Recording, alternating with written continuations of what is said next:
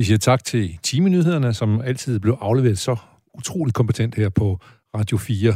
Og øh, nu kommer der noget andet, som også er meget kompetent lavet. Det er en lille musikalsk bro, der skal lede fra timenyhederne over til det næste program, som kommer lige om lidt.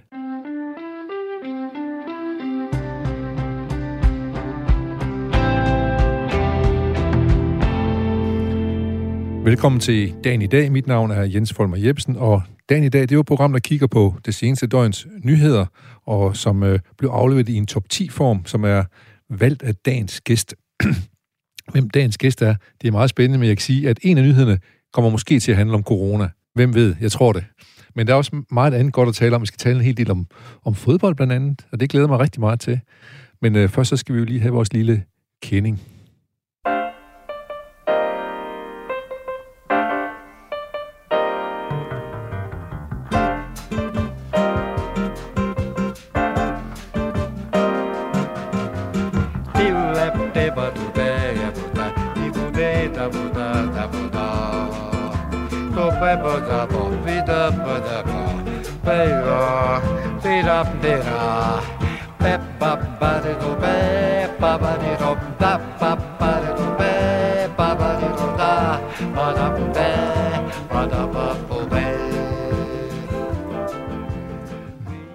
Således blev øh, dagen i dag, Bossa Nova, i gang på den helt rigtige måde. Og vi skal sige velkommen til dagens gæst, Ole Sønningsen. Velkommen. Tak, tak.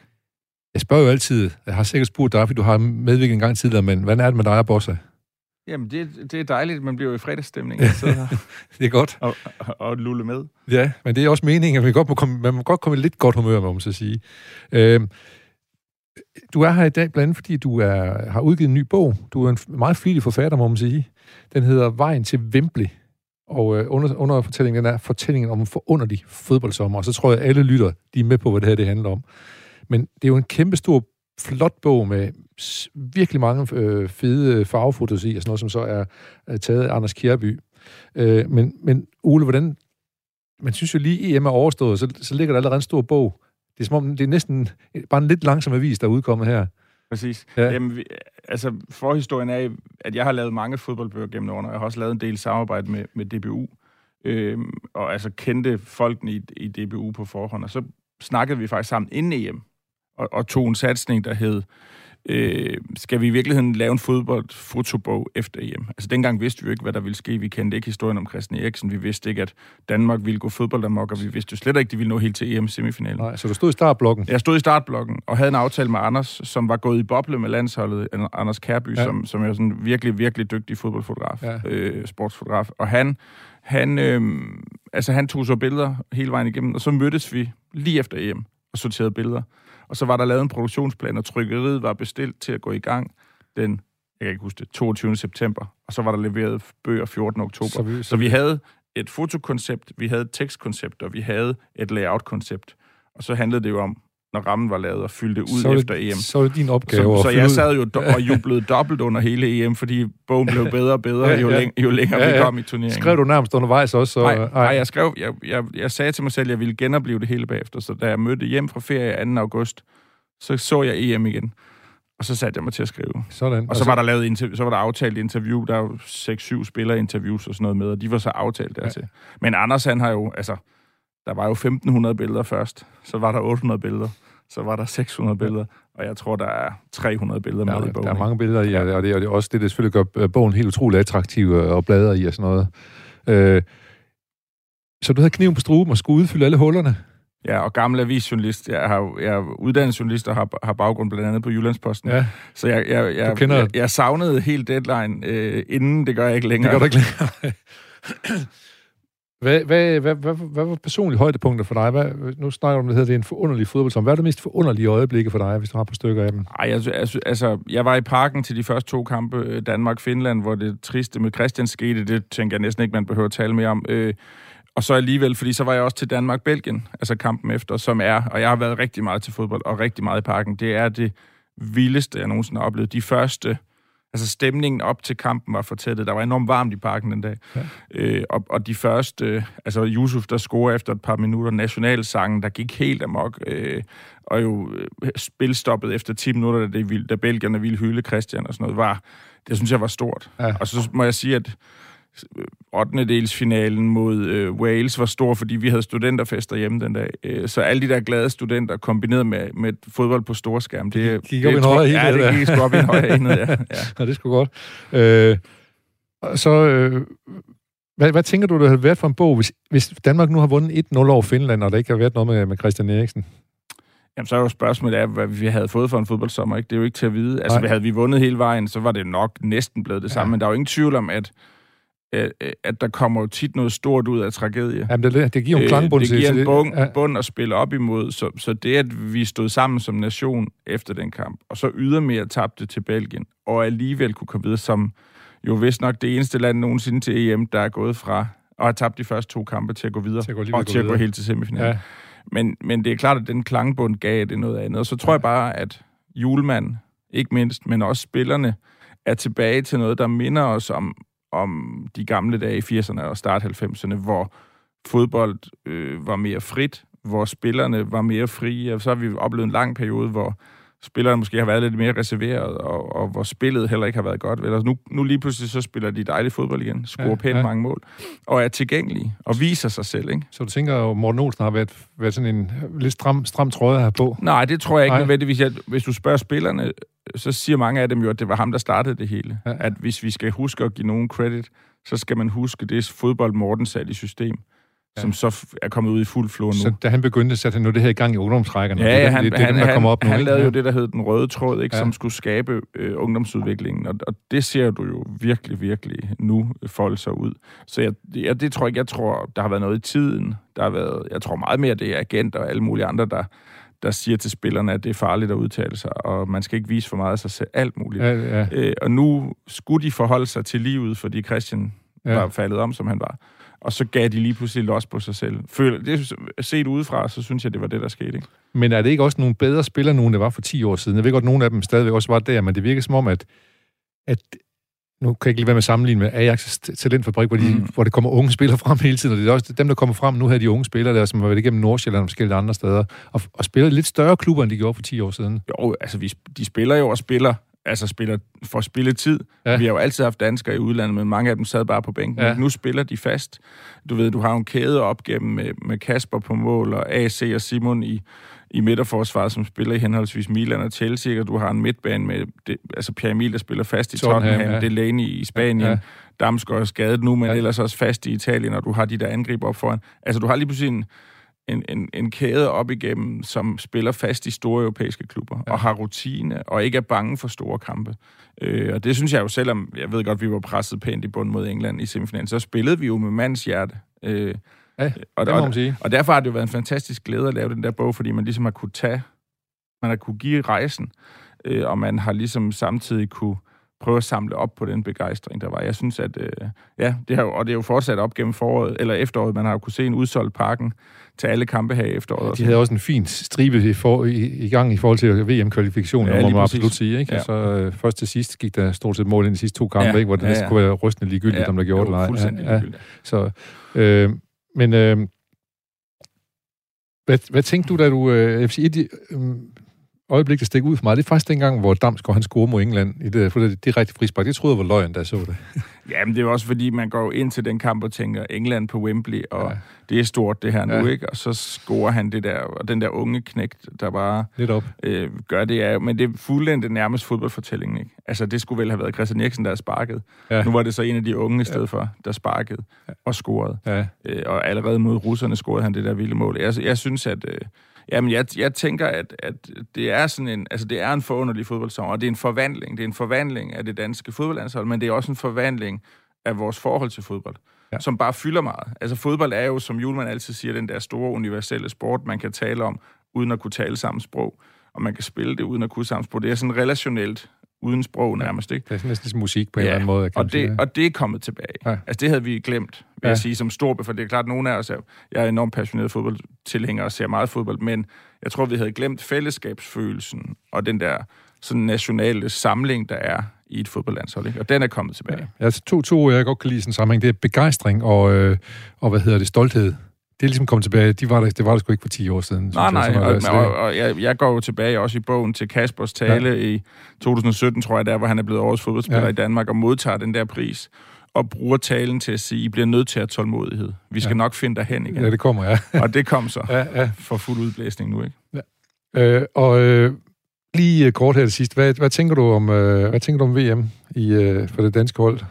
Jamen, Eller efter hvem man trækker selvfølgelig. Men... Ja, man har jo lyst til at, at lege med på gulddrengens sang, ikke? Den ja. er helt sikkert, det er den næppe, men, men jeg synes at vi har holdet til at komme langt. Ja. Og hvis vi vel har lidt lodtrækningsheld, så får vi også en okay pulje.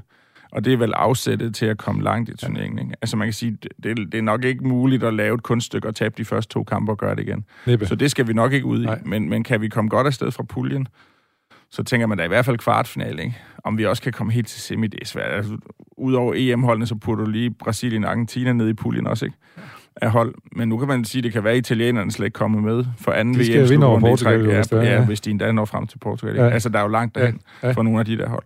Men jeg tænker da, at vi skal glæde os. Det er et mystisk sted, der skal spilles fodbold. Af flere årsager, tænker jeg, at Katar er et mærkeligt valg, ikke? Men det er en lang diskussion. Men, men, follow, og så er det underligt, follow, at follow the money. Ja, så er det underligt, ja. at det er i december, ikke? Vi skal ja. se VM-finale lille juleaften ja. næste år. Ja, det er vildt. Det er det, meget, meget mærkeligt. Ja, det er virkelig mærkeligt. Men har du så, øh, er du, er du i gang med at banke startklodser ned til den bog også, eller hvad? Ja, ja, det har vi faktisk slet ikke talt om. Det kan være, at jeg skulle tage fat i DBU, vi allerede skulle have gang i den. Det kunne da godt være, fordi ja, det, det, det, det blev helt specielt, som du selv siger. Ja, det gør det. Øh, Men der var også bare det der element i, at her var det på hjemmebane. Der var noget hjemmebane ja. over det, der var sådan et jubilæum over ja. hele Europa, og så ja, og så videre, så videre.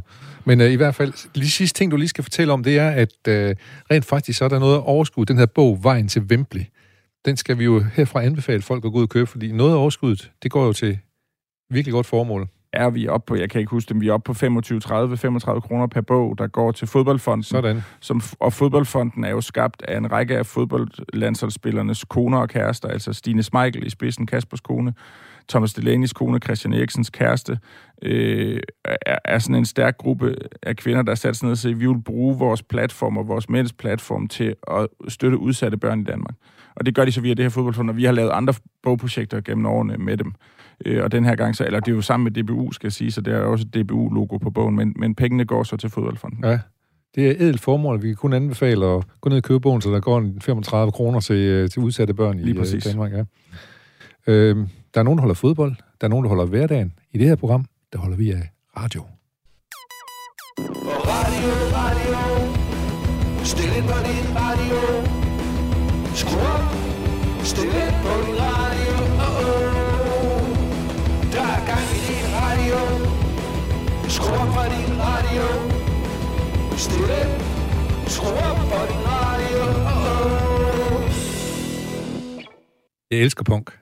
Det er også dejligt. en gang imellem i hvert fald, ikke? Jo, specielt i bilen, hvis man skal noget vildt, så er det godt lige at, så er det godt, ja. lige at varme op til. Ikke? Så nu øh, kommer vi godt humør med Shubim og noget bossa i starten, og så får vi lige øh, et, et elektrochok her med, med, med noget punk, der det er los i røven med noget punk.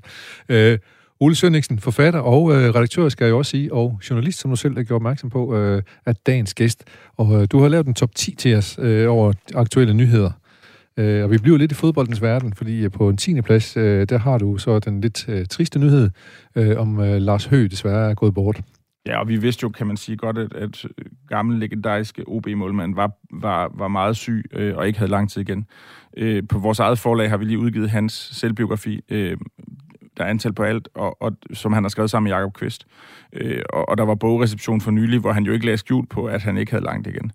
Øh, men derfor er det selvfølgelig trist at få beskeden. Jeg har egentlig taget det med, fordi at jeg bliver så varm om hjertet, når jeg løber ned igennem mit Instagram og mit Facebook-feed i de her dage, fordi det er godt nok fyldt med Lars Høgh.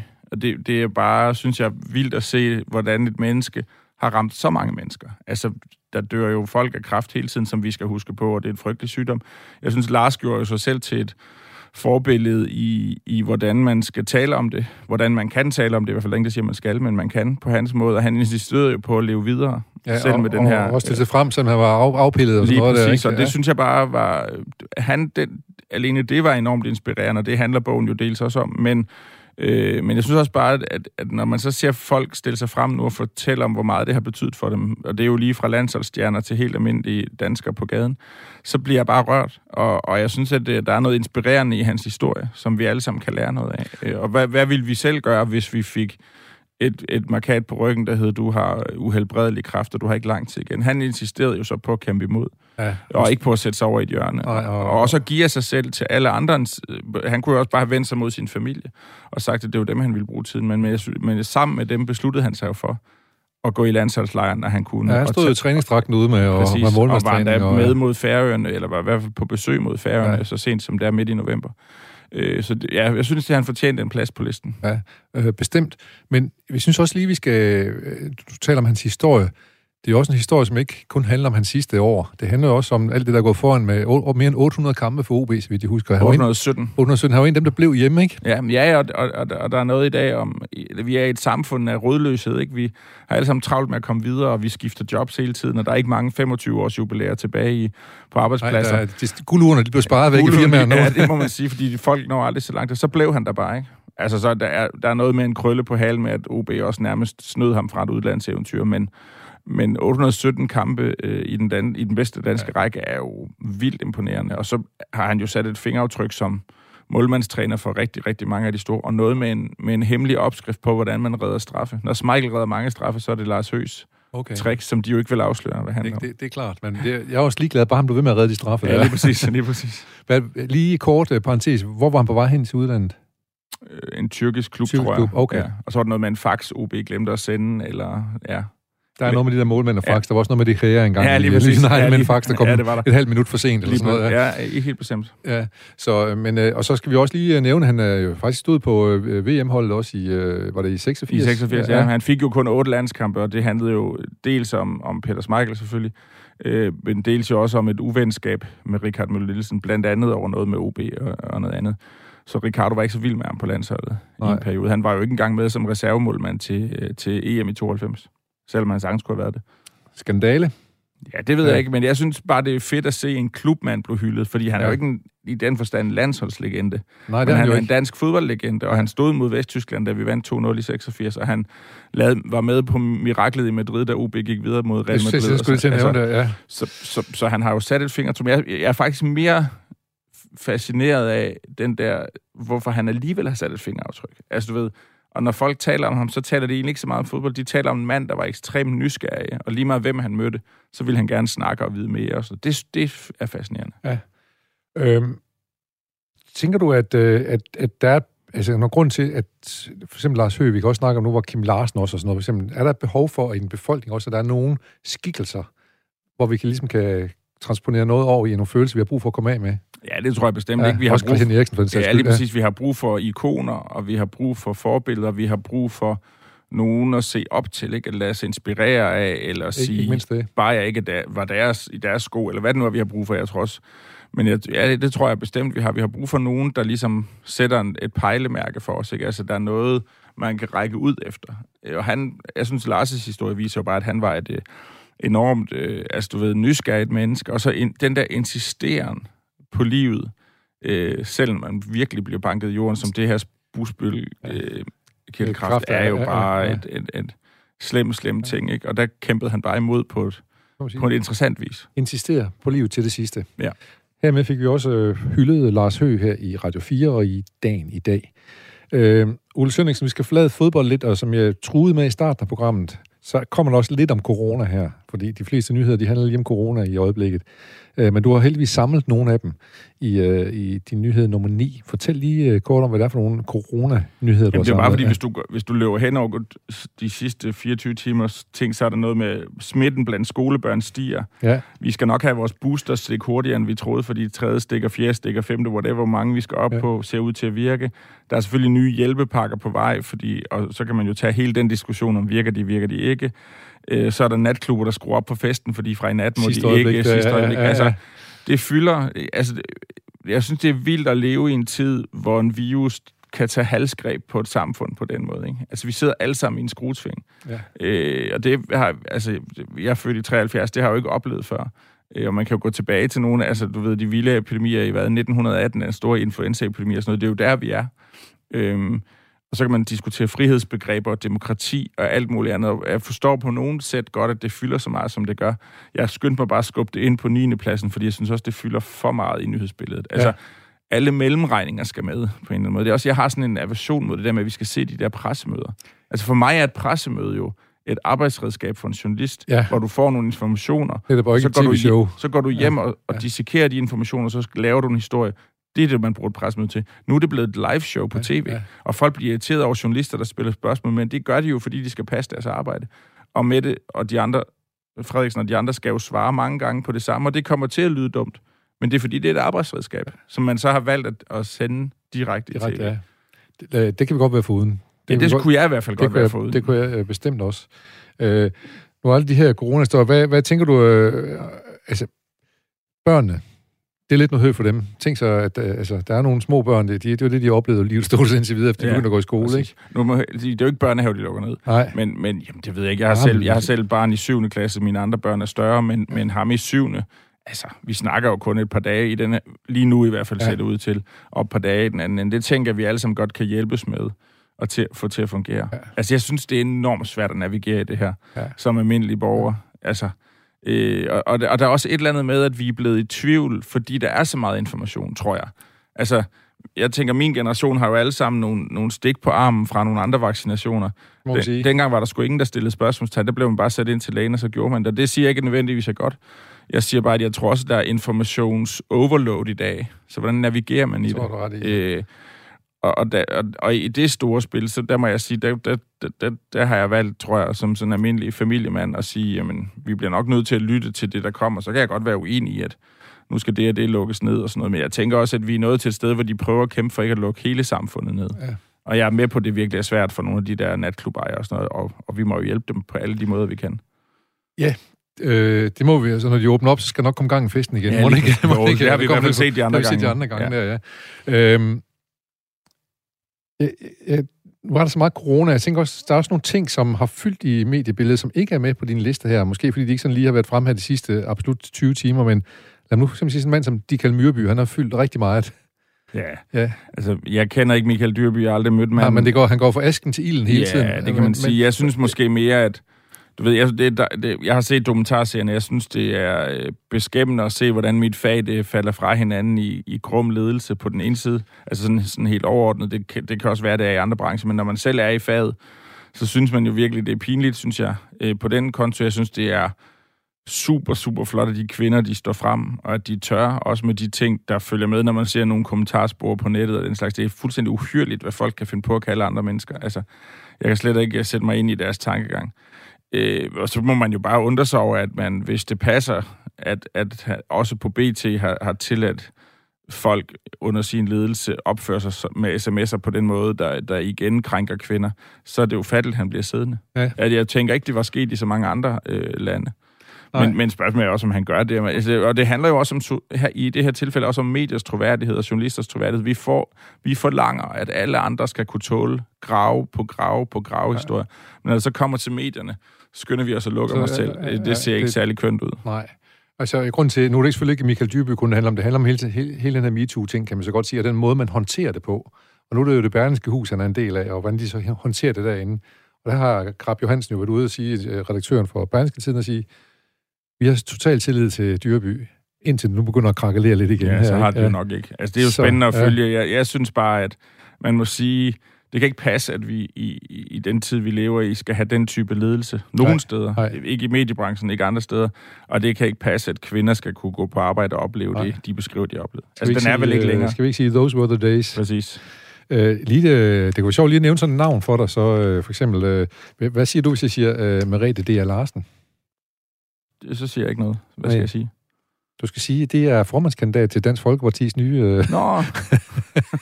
Ej, så det siger jeg ikke noget til. Nej, det siger du slet ikke noget det, det siger til. ikke noget til. Nej. Det siger jeg ikke noget til. Vi behøver ikke snakke om Nej, Dansk det... Folkeparti nu, men, øh, men det, det, det slår mig bare, at, øh, at det let at hedde Morten Messersmith, der hed D.A. Larsen for eksempel. Ja, ikke? Ja, jo, jo. Så, øh, det har du nok ret i. Øh, lad os gå videre til øh, din 8. plads øh, af nyheder. Øh, jeg lavede lige en lille stor parentes her. Øh, og øh, surprise, corona. Ja, men faktisk ikke Men corona. mere om Tyskland og Scholz. Og, ja, ja, ja, den er taget med, fordi jeg er vokset op øh, nede ved grænsen på Als, øh, og har hentet alle mine øl øh, i Tyskland, da jeg var ung. øh, og jeg synes bare, jeg bliver til stadighed forundret over, hvor lidt Tyskland fylder her. Altså, så kan vi svinge os op til det, når der, når der er kanslervalg og sådan noget, ikke? Øh, og så dækker vi det intensivt, så forsvinder vi. Det er altså et land, med hvad, næsten 90 millioner indbyggere efterhånden. Øh, en af vores største eksportpartnere. Alle hader bare tysk. Børn hader tysk i skolen. Folk synes, tysk musik er uinteressant. Folk ser ikke tyske film. Vi har slet ikke den der kulturramme omkring Tyskland, men jeg bor i Kolding og har to timer ned til Hamburg, en by, der er tre gange større end København fantastisk kulturmetropol, fantastisk øhm, koncerthus, store kunstmuseer, udstillinger, fantastisk mad. Og en god håndboldklub i øh, Flensborg ja, i Kiel, både, for eksempel, både i Flensborg Kiel, og nu jo igen også i Hamburg, I Hamburg Kasper ja. Uge i Hamburg. Ja. Øhm, jamen ja, så, så det er egentlig bare for lige så meget for at slå et slag for Tyskland ja. i radioen. Jamen gør det. Og, og sige, at øh, jeg synes bare, det er spændende, om vi ikke kunne få folk til at følge lidt mere med i Tyskland. Jeg siger ikke, man skal elske Tyskland, men men det er jo også bare en driver for alt, der foregår i vores liv. Jeg ved, jeg ved, jeg, jeg ved, jeg ved heller ikke, hvad fanden det er for en rygmavs ting, der kommer væk, når man siger Tyskland. Der kører program her på Radio 4, må vi så sige, Genau, som tager sig rigtig meget af, af Tyskland øh, og, og tager det alvorligt. Ja, for, og det er jo dejligt, fordi altså, altså, helt alvorligt, så handler det jo også om, at, at, at Tyskland er så stor en europæisk magt, at vi bliver nødt til at følge med. Nødt til at holde altså, til det, ja. Ja, og, og det er jo spændende, hvad Scholz kan nu efter en kansler, der godt nok har siddet i mange år, men jo også... Øh, mere har holdt fast i rettet, end at tage nogle sving, der var nødvendige at sætte ud til ja. det skolesystem, der er helt i knæ. Et land, der ikke er særlig digitaliseret. Netop. Og et land, der jo skal tage nogle beslutninger i forhold til grøn omstilling, som kommer til at påvirke ja. os alle sammen. Ja. Øh, og, så, og så vil han til at legalisere has også nu, så jeg. Ja, men Oven i købet her. Spændende mand, ja. Øh, så jeg synes bare, det var, så det var ikke for at snakke corona i Tyskland, det var egentlig bare for at sige, at Tyskland burde skubbes. Nu, nu, nu risikerer vi jo, at nu er Scholz valgt, og så ryger det ud af nyhedsbilledet. Så glemmer man det igen, ja, ja. Men, men noget, der er interessant også, det er jo den øh, koalition, han har fået lavet. Den det virker også som noget nyt, ikke? Ja, ja. ja. Med, med de grønne og FDP, og de, ikke? Ja. Og de liberale, ja. Så ja. Det, er jo, det er jo virkelig... Han skal virkelig øh, prøve at holde snorene i begge ender, ikke? Fordi han har nogen til venstre og nogen til højre for sig. Men det er jo spændende, hvis de kan, sådan en tysk midterregering, øh, og få det til at virke. Ikke? Øh, han, det virker ikke, fordi at der er meget mere knald på ham end på Merkel, sådan personlighed. Nej, det var synd at sige. Men det kan tyskerne jo åbenbart godt lide. Ja, men jeg så en del øh, øh voxpops, der var lavet med tyskere, og de, var, de har sgu store forventninger til øh, den her regering, at man gjorde noget på tværs af partierne og sådan noget. Der. Ja, og Måske... der skal også tages nogle, ligesom der skal herhjemme, så skal der jo også tages nogle enorme valg. Ja. Og, og, og ikke mindst i forhold til tysk kulkraft og sådan noget, er det jo nogle kæmpe, kæmpe, også helt ned på et menneskeligt plan, konsekvenser i forhold til arbejdspladser og ja, alt muligt ja, ja. andet. Så det er spændende, hvad han kan, og om han kommer til at sidde lige så længe. Ikke? Det kan man sige, der er det også bedre at tage de beslutninger på et lidt bredere ja, det, grundlag. End, uh, det kunne godt virke oplagt, ja. ja. Uh, her er Tyskland, siger vi. Yes, det gør vi. Uh, og så vil vi så også lige sige, at det gik jo egentlig. Jeg synes også, der skete noget omkring Tyskland, da de holdt VM i fodbold ja, i Tyskland. Det er der var, der, var, der var tilbage i 2006, og, ja. ikke? Der var sådan en ja. anden men det er, og det er sjovt, at jeg er jo vokset op på en egen, hvor man var enten pro-tysk eller virkelig ikke pro-tysk. Altså ja. min egen morfar, øh, han frabad sig, da, da dengang Sønderjylland han diskuterer, Sønderjyllands Amt ville til at give behandlinger i Flensborg, det gad han fandme ikke. Nå, for satan det. Øh, så, altså, og jeg synes bare, nu er vi kommet så langt generationsmæssigt, at skal vi ikke droppe den gamle ja, nu er vi ikke kommet videre. Det, ja, ja, ja, det tænker jeg også. Ja. Vi skal ikke glemme vores historie, men, vi, men, men, men der er bare et spændende land dernede på den anden side, som jeg synes er, er sjovt at beskæftige sig med. Jeg kan også sige, at vi har haft nogle uh, gæster ind, som uh, har Tyskland som et af deres foretrukne ferielande.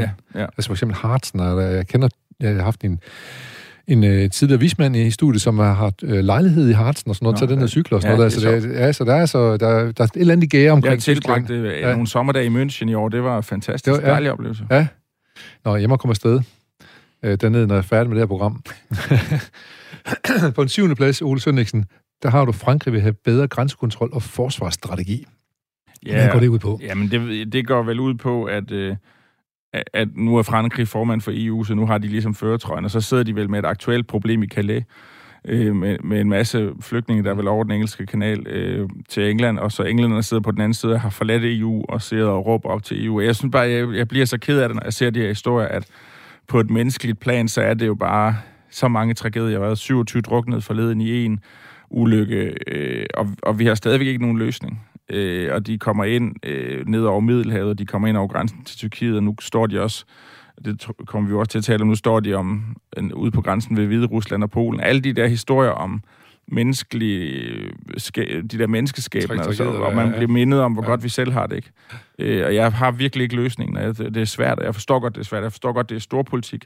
Jeg forstår godt, at Frankrig gerne vil have andre til at hjælpe. Jeg forstår godt, at England vil have nogle andre til at hjælpe, men vi bliver nødt til og for noget pokker laver vi en human starter, flygtning. Det, det er måske der, det starter. Ja, lige præcis. Og så må vi så finde ud af, hvordan, hvordan løser vi det så bagefter. bagefter ja. ja. og det er næppe gjort ved, at vi laver et samarbejde med Rwanda og, og siger, at der starter alle dem, der vil til Danmark ned. Altså, på en eller anden måde skal vi gentænke det humane i det her. Og jeg, jeg, jeg har virkelig ikke det vise sten. Jeg har jo beskæftiget mig enormt meget i mit forfatterskab med udvandring til Amerika, som jo så ligger 150 år tilbage. Ja, One Dollar Man ja, lige præcis. omkring det, ja. ja den, men, men der har vi jo også, altså der har du jo også menneskemasser. Hvad har du? Tror, du har 34 millioner europæere mellem 1850 og 1920. Altså 34 millioner, der rejser over Atlanterhavet.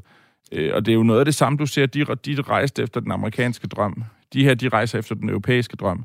Forskellen er jo bare, at amerikanerne stod med åbne arme og sagde, Kom ind. I må gerne ja. komme ind. Vi står og siger, er I søde at blive ude? Sådan i et stort politisk perspektiv. Ja. Og, det, og det synes jeg kalder på eftertanke. Ja. Og så må vi sige, for ligesom at slå en lille sløjf, vil du sige, at øh, hvad hedder det, mellem Frankrig og England, så der står englænderne og peger på franskmændene, og franskmændene står og peger på englænderne. Imens der drukner mennesker. Imens der drukner mennesker, der er også ikke lige så travlt med det. Øh, så kan man så til, tænke på, hvor, hvor troværdigt det gør Boris Johnson og, og Macron. Men Macron, han, han skal jo til valg nu her. Det er måske ja. også, så bliver ja, ja. måske også skærpet noget retorik her omkring det noget det, det gør det for grænsekontrol og forsvarsstrategi ja. og sådan noget. Ikke? Så, øh, vi går lige videre til vores egen en af slagsen på ja. din 6. plads. Ja. Mette Frederiksen. Hun vil ikke placere skylden for minkaflivningerne nogen steder. Det er jo bekvemt sted at lægge dem. Ja, og det var, det var jo en stor samtale i går torsdag, at hun var, hun var i retten på Frederiksberg og blev afhørt i den her minkkommission øh, og, og alt det, der skete rundt omkring. Og det var egentlig ikke for at diskutere mink som sådan. Der kommer i virkeligheden tre-fire nyheder nu her, der for mig at se handler om demokrati og åbenhed, øh, og, og, og handler om, hvad er det for et samfund, vi vil have. Ikke? Altså, jeg, jeg, jeg, har ikke, jeg er ikke dybt nok nede i min kommission til, at jeg kan nørde den, men man må bare sige, at vi bliver nødt til at holde fast på åbenhed, og vi bliver nødt til at forholde os til, at hvis vi skal have et demokrati, der fungerer, skal man også kunne tale om det. Og jeg synes bare, i nogen sammenhæng udefra set, så ser det ud, som om vi har fået et statsministerium nogle gange, der har travlt med at ville noget andet. Ja. Øh, og, og det er ikke, fordi jeg tænker alle mulige konspirationer om, om alle mulige verdenseliter og alt muligt andet, der skal styre, men det virker lidt, som om de ikke er så vilde altid med at, at lukke ud, og statsministeren har ikke været vild med at stille op til store interviews. Alle de der ting. Jeg synes bare, at, at, at vi lever... På en måde så siger vi, at vi har fået mere demokrati, fordi alle kan publicere på Facebook, men omvendt har Facebook har ikke noget filter, så det bliver bare en stor ja. skraldespand. Ja. Øh, på den anden side, så ser det nogle gange ud, som om vi har politikere på begge fløje. Du har også en Inger Støjbjerg-sag kørende lige nu, der øh, der lukker sig mere om sig selv, og som nogle gange kommer til at lyde magtfuldkommen og alt muligt andet, der, der synes jeg bare, at vi, altså, nu snakker vi MeToo for lidt siden, og den åbenhed, der skal til, for at det ikke sker igen. Bare, bare, for, bare for at rokke det lidt. Ikke? Ja, ja, lige præcis. Ja. Og hvad, hvad skal der så til for at rokke vores demokrati? Hvor meget skal der ind til, når du ser en højere drejet bølge, for eksempel i Ungarn, der lukker sig om sig selv, polakkerne, der lukker sig om sig selv, du ved, hvad var Trump i gang med i USA? Og jeg siger slet ikke, at Danmark er på vej derhen. Jeg siger bare, altså, vi skal blive ved med at hægte os på de der politikere. Vi skal blive ved med at hægte os på magten og spørge dem og kræve svar. Ja. Øh, og det synes jeg bare, Mink-sagen er et godt eksempel på. Så synes jeg lige så beskæmmende på den anden side, at folk, der vil til at smadre ministerbiler og alt muligt andet, er også, ja. altså, hvor det, hvor det kommer fra. Det er jo ikke en måde at, at, tage sin demokratiske ret og demonstrere er en demokratisk ret. Ja. Men jo ikke at... Ja, smadre det, ting. Nej, det, det synes jeg bliver mærkeligt, og alle de der men, men, mærkelige banner, der ligner noget Trump-agtigt noget, ja. det, det synes jeg også bliver mærkeligt. Ja. Altså, men, det, men det er jo et meget godt billede på, hvor vi er kommet hen det, på, med debatniveauet. Ja. Jeg forstår ja, godt, hvorfor det, det er svært det, det at rekruttere politikere. Også, ikke? Ja, ja. ja. Altså, jeg skulle ikke være politiker i det her klima. Nej, det, ikke, ja, altså, det må også sige. Jeg springer sådan set også over. Så, så på den måde skal man huske, ja. Synes jeg, at hylde alle, der vil gå ind i politisk arbejde, fordi der er også en... Altså, det er jo kun derfor, vi kan holde demokratiet kørende. Øh, så de skal ikke smadres på den måde, men det er klart, de skal stå til regnskab for det, de laver. Så vi glæder os over, at der var mange, der stillede op til øh, byrådsvalg ja, og regionsvalg her for nylig, ja. og, og at uh, der også var en forholdsvis høj uh, stemmedeltagelse ja, stadigvæk. Jeg kan lige slutligt sige her, at uh, noget, der, der har gjort åbenheden mindre, det var en beslutning, de tog ind i Folketinget om, at journalister ikke længere kunne få adgang til visse dokumenter osv. Uh, en offentlighedslov, tror jeg, den ja, hedder. Sådan ja. Uh, som blandt andet de radikale var med til at stemme igennem. Og jeg havde besøgt Morten Østergaard på et tidspunkt. Han sagde, jeg er nødt til at lægge mig fladt ned på gulvet og erkende, det var en fejl. Præcis, og det, det er en det fejl. Om, ja. Vi må bare sige, altså, det, vi bliver nødt til at kunne få adgang, og vi bliver nødt til at kunne, kunne holde øje, fordi det er også en del af det at være i et demokrati. Ja, og det, det er selvfølgelig bekvemt, at man kan holde det lukket, så kan man bedre tage nogle beslutninger, så bum, bum, bum, og sådan noget. Men det er jo ikke en stor virksomhed. Det er jo, det er jo demokratisk politik. Det, ja, det er vores allesammens penge. Ja, det er ja, det. Ja. Ja. Øhm, Godt, så kom vi hertil, og så øh, er der måske nogen... Jeg skal jo så lige sige, at det her det er et af de sidste programmer af dagen i dag. Vi er begyndt at tælle ned, ikke bare til jul, men også til det sidste program øh, dagen i dag øh, blev afviklet. Vi slutter... Øh, sidste program kommer den 31. i 12.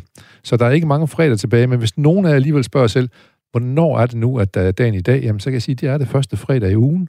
Og så længe, at dagen i dag udkommer, så er der en god grund til måske at brænde sit fjernsyn og høre radio i stedet for. Brænd dit tv, luk dine øjne og se. Hvad der kommer i radio, første fredag i jul. Første fredag Første fredag i Tag og tænd din radio Og se hvad der måtte ske. Slå vandet rundt der Se det ske Slå vandet rundt der Se det ske Ja, hvad må der vil ske, hvis vi slår ørerne ud og lytter til hinanden, i stedet for bare at snakke og ikke lytte? Eller hvad man nu siger. Vi er i gang med dagen i dag. Vi er i gang med en top 10 over de mest tankevækkende nyheder fra det cirka seneste døgn. De er udvalgt af Ole Sønningsen, som er forfatter og øh, journalist, og så er du også øh, redaktør. Øh, der er mange kasketter nede i Kolding der, men du arbejder sådan, du skifter mellem Kolding og København og sådan noget, ikke? Ja, Lige præcis, ja. Altså, redaktørjobbet er jo på Lindhardt, der ringer Ja. ja. forlaget. Ja, Og, og, og journalisttitlen er vel bare den, jeg bærer med mig altid. Så på grund af, jeg, på grund af din uddannelse. på grund ja. af min uddannelse, ja. så prøver jeg at nå at skrive nogle bøger, når jeg kan. Ja, det må jeg sige, det går egentlig meget godt, ikke? Det går meget godt. Ja. Øh, lad os, lad os, det går også meget godt med at vælge nyheder. Vi nået til din femte plads på din top 10. To personer er blevet varetægtsfængslet i 11 dage i en sag, hvor de er mistænkt for at have lægget oplysninger fra efterretningstjenesten. Hey, det er sådan noget, vi plejer at høre fra USA og Sovjet og sådan noget. Ja, spioner, eller en spillefilm og sådan noget. spillefilm, Altså, ja. Og jeg, jeg tog den egentlig med af flere år, vi, nu kommer vi jo lige fra pl- placering nummer 6 og taler om åbenhed og Mette Ja, ja, Frederiksen ja. og Mink-sag, og så kommer du til en ny tjeneste og en ny lukkethed. det mest lukkede, ja. Og nu bliver folk fængslet for at prøve at sige noget derindfra. Nu ved vi jo ikke særlig meget om, hvad det de har gjort. Nej. så jeg skal ikke forholde mig til den konkrete sag. Jeg, jeg, jeg bliver altid... Jeg er enormt fascineret af efterretningstjenester og spionvirksomhed. Øh, også sådan, altså jeg sidder jo som bogredaktør og laver meget historisk materiale, altså bøger om, om, om historiske begivenheder, historiske perioder. Og der bliver ved med, altså det holder jo aldrig op med at give det der, det der felt med, med, med efterretningstjenester og spioner, fordi virkeligheden overgår fantasien. Jeg har jo altid arbejdet med non-fiction bøger, altså ting, der skal være foregået i virkeligheden, ikke fiktion. Og det her lyder jo som noget fra en krimi. Ja. Øh, og og så, er det, så sker det i virkeligheden. Og så sker det endda på hjemmebane. Det er jo ikke særlig lang tid, vi har haft af hele den der forsvarets efterretningssag om... Jakob Schark. øh, Ja, og- ja, det er det ene, men også de tillod amerikanerne at lytte med på Åh ja, vores det er på vores kabler, øh, og hvem har vi overvåget, og der er bare, når vi igen, når vi snakker åbenhed, så er der jo sådan en skræmmende fornemmelse af, at der bliver lyttet mere, end vi tror, ikke? Øh, uden da at have taget en sølvpapirshat på, så tyder det her jo også lidt på det, på en eller anden måde, ikke? Ja. Altså, hvad er det, de der mennesker gerne vil lægge, og hvem vil de lægge til? Det ved vi jo heller ikke. Det, det er jo det store spørgsmål, om, Ja. om, om det er nogen, som lægger til udenlandske tjenester. Ja, der For står eksempel. bare for uberettiget at have videregivet Ja. højt klassificerede oplysninger fra efterretningstjenesten. Så det kunne lige så godt være til en journalist i en Ja, dansk, det ved vi avis, en dansk om det, avis. det eller kan et være whistleblower-agtigt, Ja. ja. og det kan være... Det kan også have været solgt oplysninger til udlandet, hvilket formentlig vil være værre, sikkert også juridisk. Ja. Øh, det, men det er, det, vi bliver bare mindet om, at der er det der... Og jeg er med på, at vi skal have efterretningstjenester, fordi vi bliver nødt til at holde øje med kriminelle Klart. netværk, alt muligt andet. Øh, men men det, ja, det, det er bare... Der, der er noget over lukkede verdener, der er interessant at åbne døre ind til det. Ja, bestemt. Og det, og det er der bare i den her historie. Der er en anden ting, jeg lige, øh, har i hvert fald lige har stusset lidt over. Der, der står, anholdelserne kom efter længere tids efterforskning. Og så alligevel to af de fire, de er anholdt, de blev frigivet næsten med det samme. Ja. Jamen, det er også det. Har de også- ikke noget på dem? Nej, det, det, ja, og det kan også være, at man bare har fisket med et meget, bredt, med et meget fint masket garn, og i Ja. virkeligheden må smide nogle af dem ud igen, fordi Ja. ja. man ikke havde oplysninger nok. Ikke? Ja. Og jeg kan, man kan jo rigeligt forestille sig panikken, der har været i efterretningstjenester, hvis der er, et- hvis der er et hul, og hvor går den lækage hen, og hvad bliver det næste, de afslører? Ikke? Ja. Altså, vi er jo tæt på national sikkerhed og nationale... Altså, Nu har du allerede plottet til bogen. der, ja, det lige er præcis. Ja, det er ikke løgn, ja. Nå, men øh, vi håber, at øh, vi snart finder ud af, hvad fanden der foregår. Ja, Og så- og ja så- det, det gør vi måske aldrig jo. Det gør måske aldrig, men Nej. ellers må du lave din non-fiction-bog Ja, så omkring må det jeg, her jo. Ja, Ja, præcis. Eller for første gang skrive en krimi. Eller skrive en krimi, ja. Det, den vil jeg vende spændt på. Nobels fredspris, den får du nok ikke lige de første 14 dage. Det gør Nok i dag, nok heller ikke. 25 år. Nej. Men så... Men den, den overrækkes i dag, og den, øh, det er til to journalister, apropos, som øh, jo i dit fag, de Ja. kæmper for pressefriheden. Ja, og de hedder Maria Ressa, som er fra øh, Filippinerne, og så Dimitri Muratov, som er fra Rusland. Rusland, Og ja. jeg tog dem egentlig med for ligesom at lukke vores ligesom, trepakke her med, med mink-sag og åbenhed, efterretningstjenester og lukkethed. Og så egentlig bare for lige at brede den ud og minde os selv om, at vi jo altså lever i et ret øh, velfungerende demokrati. Øh, og det, jeg blev mindet om det, fik jeg lige lyst til at sige, øh, også til kommunalvalget forleden. Jeg, havde, jeg var nede med corona, smittet, oven på bogmessen, øh, og, øh, og skulle jo stemme til kommunalvalget. Øh, og så ringer jeg på telefonen, du står på Kolding Kommunes hjemmeside, det kan jeg gøre. Og så siger du kan bare køre op i din idrætshal og holde uden for at ringe, når du er deroppe. Så det gjorde jeg. Så kommer der to mennesker ud i hele dragter. øh, helt viseret ind og siger, det er dig, der gerne vil stemme, siger det vil jeg gerne. Så får jeg min egen stemmeboks og min egen stemmeseddel, og har selv en kuglepind med hjemmefra, og kan stemme og putte i en boks, og de går tilbage ind i hallen. Sådan. Det er hug mig demokrati. Det, det må man sige. Og det er også tegn på, hvor velfungerende et demokrati vi lever i. Når man så bare ser øh, altså hende her på Filippinerne, der har afsløret magtmisbrug og vold og autoritær udvikling, alt muligt i på Filippinerne, og vi har ham russeren, Muratov, som er, som er chefredaktør på den her uafhængige avis i Rusland. Øhm, og, og jo, den avis har de sidste eller i sin eksistens, som er siden 2015, tror jeg, eller hvad det 95, har mistet seks journalister, der ja. er blevet dræbt af myndighederne, for mener, ja. mener så, man. Så han må også føle sig selv en lille smule skudlinje. Jamen prøv at tænke, hvad ja. de der mennesker, ja. De er villige til på demokratiets vegne. Ja. Og det, det, det skal man bare tage hatten af for. Ja. Og det er ikke, fordi jeg skal hylde journalistbranchen. Vi er jo, vi er jo tit dem, der bliver vurderet ned omkring uh, bilsælgere på troværdighed. Så synes jeg bare her, der kan man godt highlighte to, der, når de nu får Nobels fredspris. Det må, det må så, man sige. Så er det virkelig, ja, ja. så kan det godt være, at jeg kalder mig selv journalist og hygger mig med at lave bøger om fodboldlandsholdet. Og det gør jeg virkelig. Og jeg synes også, de har en mening øh, og en gang på jord. Men det her, det, det her, det, det, det, det journalistik handler om, ikke? Ja. Altså, at, at du øh, kv- som kvinde på Filippinerne kæmper mod myndighederne, og du i et øh, autoritært samfund som russerne, hvor vi ved, hvad Putin kan finde på, øh, stadig fastholder og drive en avis, det synes jeg bare, øh, ja, det, det, det, hatten af for dem. Er de også ude at sige, at øh, det er ikke fordi, øh, de har lyst til at sætte deres liv på spil, men de bliver nødt til det? Ja, lige præcis. Og det, ja, altså, det er, jo man bliver, det, er, det er lidt ligesom det er lidt ligesom diskussionen tilbage i tiden øh, om modstandsfolkene under 2. verdenskrig. Og sådan. Jeg ved godt, der var mange, der fik travlt med at være det bagefter, men kernen, der virkelig gjorde det, øh, og siger, at vi blev nødt til det, så bliver man jo nødt til at spørge sig selv, vil du gøre det? Altså, hvis du fik muligheden, ville du så drive en avis i et land, hvor du vidste, du var, der var risiko for at blive slået ihjel? Jeg er sgu ikke sikker på, at jeg var modig nok. Nej. Det er nemt at sidde her og sige, at man ville. Jeg er ikke sikker på, at jeg ville være det. Altså, så jeg synes bare, når jeg ser de her historier, så bliver jeg, jeg bliver ikke glad, fordi jeg er journalist. Jeg bliver glad, fordi jeg er menneske og ser, at der er nogen, der kæmper imod. Ja. Og at der er nogen, der har lyst til at highlighte deres arbejde. Det er jo lige så meget det, Nobels fredspris handler om. At der er nogen, der råber højt det er også et godt valg, jo, kan man så sige, øh, lige nu her, også apropos de her ting, øh, som, som kører i både i, øh, du, du nævner min kommission, jeg fik med, men også, også alle mulige andre steder i USA og Polen, og hvor, de, hvor, det, hvor man hele tiden får trykket, øh, eller åbenheden bliver trykket nedad, ja. så har vi brug for de her journalister, og det er vel også det, Nobels fredspris er ude at sige her. Vi har ja, altså på en eller anden måde, så måske kan det også være med til at sikre, at han, lige, altså, han ikke mister livet, ikke? Ja. Altså hvis der er et stærkt nok spotlys på, så kan det godt være, at de ikke har lyst så til at træde ind i det spotlys. Ja øh, så måske ligger der også en lille redningskrans i det, det ved jeg ikke, det skal jeg ikke spekulere i. Jeg synes bare, det er spændende, at øh, jeg synes, det er spændende, at folk tør kæmpe, øh, og jeg synes, det er spændende, at at Nobels fredspris så også hylder det ja, på den her måde. honorerer det på en eller anden ja, måde.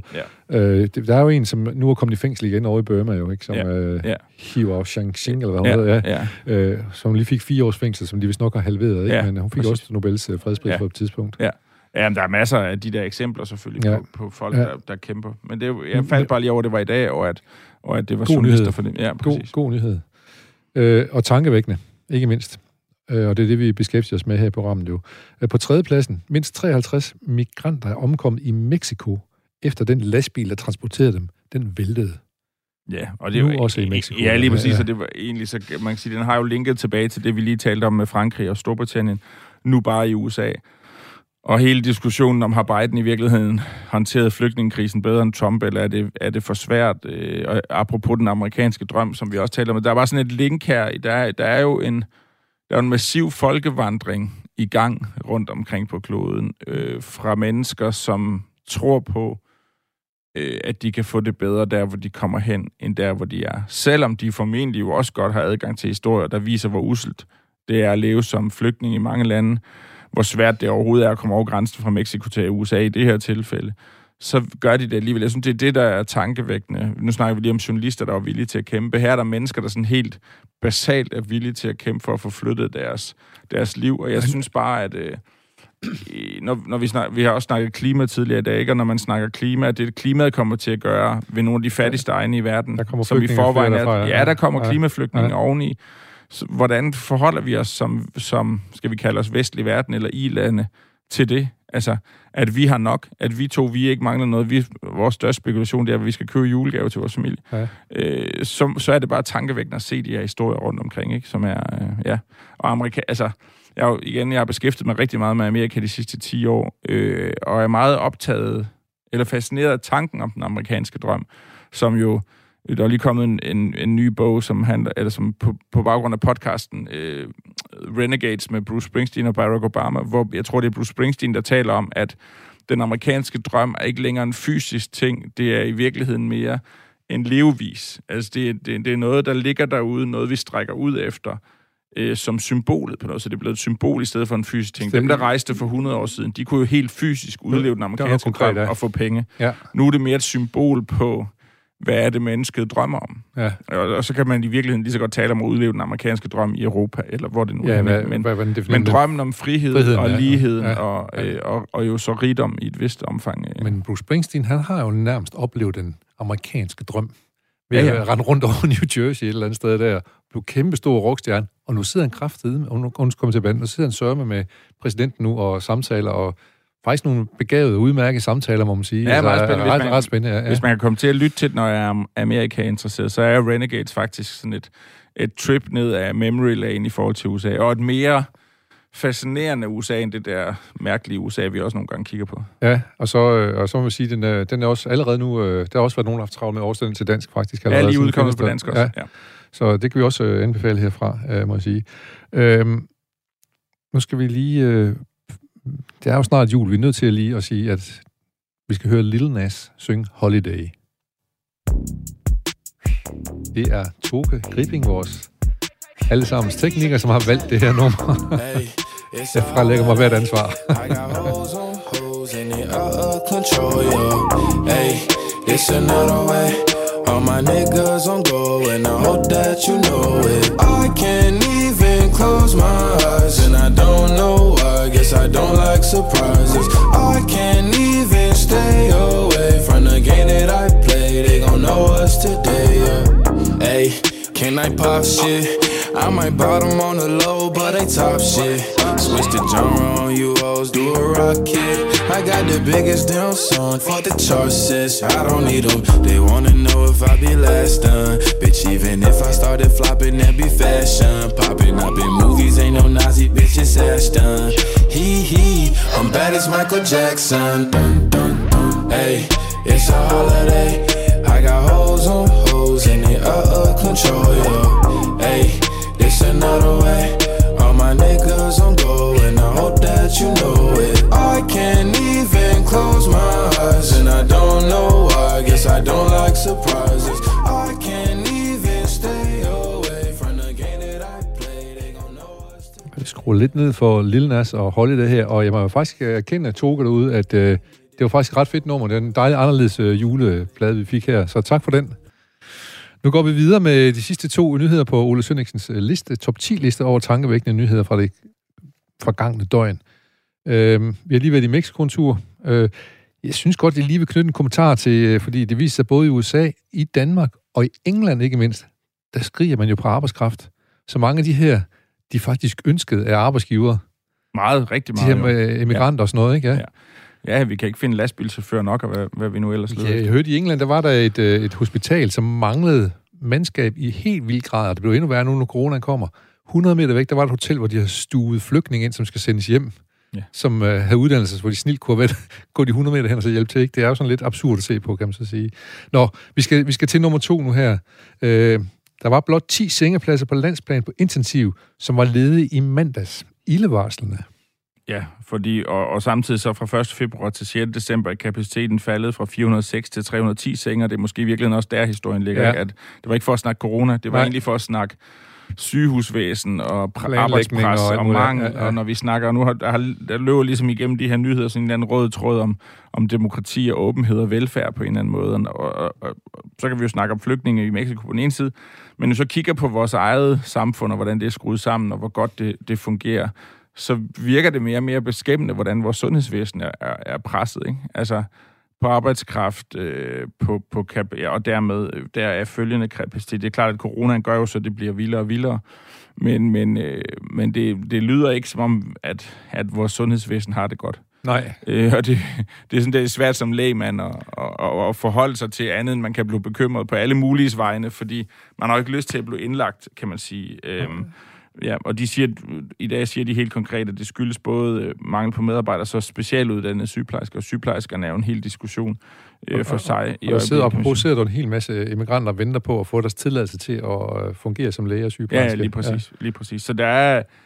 Øh, og det er klart, at lægeforeningen skal jo kalde situationen dybt bekymrende, det er jeg godt klar over. Øh, fordi der også ligger et politisk pres der, men, men det lyder bare ikke, som om vi har et sundhedsvæsen, der kører optimalt. Nej. Og så, samtidig så har vi sådan en politiker, der rækker armene ved at sige, vi lige givet dem en milliard. Ja, præcis. Så er det nok løst. ja. Eller har det i hvert fald det som Ja. deres rygfri på den måde. Ja. Øh, Og det lyder ikke helt sådan. Det lyder nemlig ikke helt sådan, nej.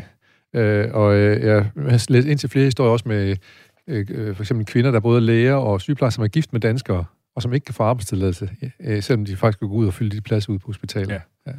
Men lad os håbe, at øh, lad os håbe, der kommer en julegave både til patienter og hospitaler og, Det kunne man da håbe. og, og til de læger og og corona sygeplejersker, ikke bliver for slem. og coronaen ikke bliver slem. Det, det vedtager vi her, men det bliver den ikke. Det gider vi ikke. Aftale. Hvad var det nu, øh, han sagde, øh, Carsten Jensen i dag har sagt, at øh, de uvaccinerede er frihedens øh, gratister. Ja. Han siger, vi lever i, et, vi lever i en høstak. Der er nogen, der, der, er nogen, der river tændstikker. Nå, nok om Carsten Jensen og nok om corona, fordi nu skal vi snakke uh, din sidste nyhed, Ole Sønningsen. Den hedder, USA forventer at sende flere tropper til Europas grænser mod Rusland for at takle russernes militære oprustning ved grænsen til Ukraine. Det er også fucking ildevarsende, må man sige. Ja, ja, det er et meget godt udtryk. Fucking ildevarsende. Jeg læste den, jeg tror det var i politikken, jeg tror det var Michael Jarlner i politikken forleden, der skrev om, at Rusland i virkeligheden er i krig allerede. Altså det, de kalder hybridkrig. Øh, at de truer med forsyningssikkerheden i, på gasledningerne, og de laver cyberkrig, og alle de der ting, at i virkeligheden i deres sådan værdiopfattelse er vi allerede i krig, og de tester os på alle mulige parametre lige nu. Og så er spørgsmålet bare, hvor meget er Ukraine en test, og hvor meget er det virkelighed? Øh, når, de, når de på sociale medier så åbenlyst viser troppe rokeringer frem, der, ja, frem ja, mod ja, Ukraine, ja. er det så i virkeligheden mest for at drille, fordi hvorfor skulle man vise det, hvis man ville mene det, så var det da mærkeligt at vise det hele, så er jo det, er jo det ene argument for, at det bare er øvelser det hele, eller spille med musklerne, øh, eller er det i virkeligheden, som du siger, fucking ildevarslende, øh, og er vi tæt på at få krig meget tæt på os i Ja, virkeligheden? ja. Og du ser jo russerne på alle mulige måder i Arktis teste suverænitet, ja, så, så- altså dansk luftrum, når de går på vingerne og prøver at nærme sig Bornholm, øh, og vi må sende F-16 op for at afvise ude, så er vi jo ikke i krig-krig. Men, men der er nogen, der mener altså, at, det, at der er tale om det, de kalder hybridkrig. Ikke? Altså, øh, at krig har mange former, Ja. øh, og, og krig har mange anvendelsesmetoder øh, og anvendelsesområder. Her er de allerede i fuld gang. Øh, om ikke andet så for internt at kunne stive sig af til at sidde der længe. Ikke? Øh, så, så jeg synes bare, at, at hvis vi skal rangere nyheder, så slår det her Det, corona. det er klart. Ja. Fordi det er så ildevarslende, ja. Som du siger, ja. for, for hele verdensordenen. Og og hvad betyder det for, øh, for alt det? Og, og, og flygtningestrømmene derovre østpå hører jo også med i hele det her spil. Hvorfor er det, at, at Rusland gennem Hvide Rusland presser EU ved bare at skubbe flygtningen op mod Polen? Ikke? Ja. Altså, alt hænger sammen ja. i det der spil, og det er bare, jeg synes, det er enormt fascinerende at følge med i. Øh, og så er jo ildevarslende, hvis vi kommer så langt herhen, at, at Så- USA skal til at hjælpe os igen. Og, og, og så må vi jo sige, og så må vi jo så sige, at, øh, at øh, Krim, øh, halvøen, den indtog russerne jo ganske frisk fra Ukraine, uden at det, det havde de store konsekvenser for dem. Og det ser jo bare Ja, ikke ud, som om, at de skal have lov den her gang. Nej, men der, Altså- der er, nu, nu melder man ud og det er lige for at invitere for Ukraine ind i NATO, og måske er det virkelig også noget af det, som øh, at russerne er bange for, det er, at de vil ikke have en NATO-allieret op til deres egen grænse. Nej, nej, og spørgsmålet er jo også, om det, det der i, til, i sidste ende bliver en, en, en mindelig løsning, ikke? at vi så trækker os, og de trækker sig, og så. Ja. så er Ukraine lige pludselig et mærkeligt stødpudeland på en eller anden måde. Ja. Så kan det være, det er, vor, det, det er vores Kuba-krise, Ja, det her. det kan være, ja. To, der kommer op mod hinanden, der er nogen, der blinker på et tidspunkt. Ja, lige Lad os præcis. det, ja. Ja. Ole Sønniksen, øh, forfatter og redaktør, og journalist, skal vi også huske at sige. Uh, tusind tak, fordi du kom og var med i dagen i dag. Tak, fordi og, jeg øh, måtte. tillykke med din seneste bog, Tak. uh, Vejen til Wembley, som vi skal huske at anbefale, fordi at uh, overskud går til et godt formål, nemlig uh, landsholdsspillernes uh, koners uh, hvad hedder det? Fondsarbejde. Fond, fondsarbejde. ja, Fodboldfonden hedder det. Fodboldfonden, ja. Ja. ja. Så øh, når du nu kører ud, pas på derude. Tak Øh, og øh, så siger jeg tak for i dag, dagen i dag, og det gør vi med vores egen lille småt op signatur. Oh,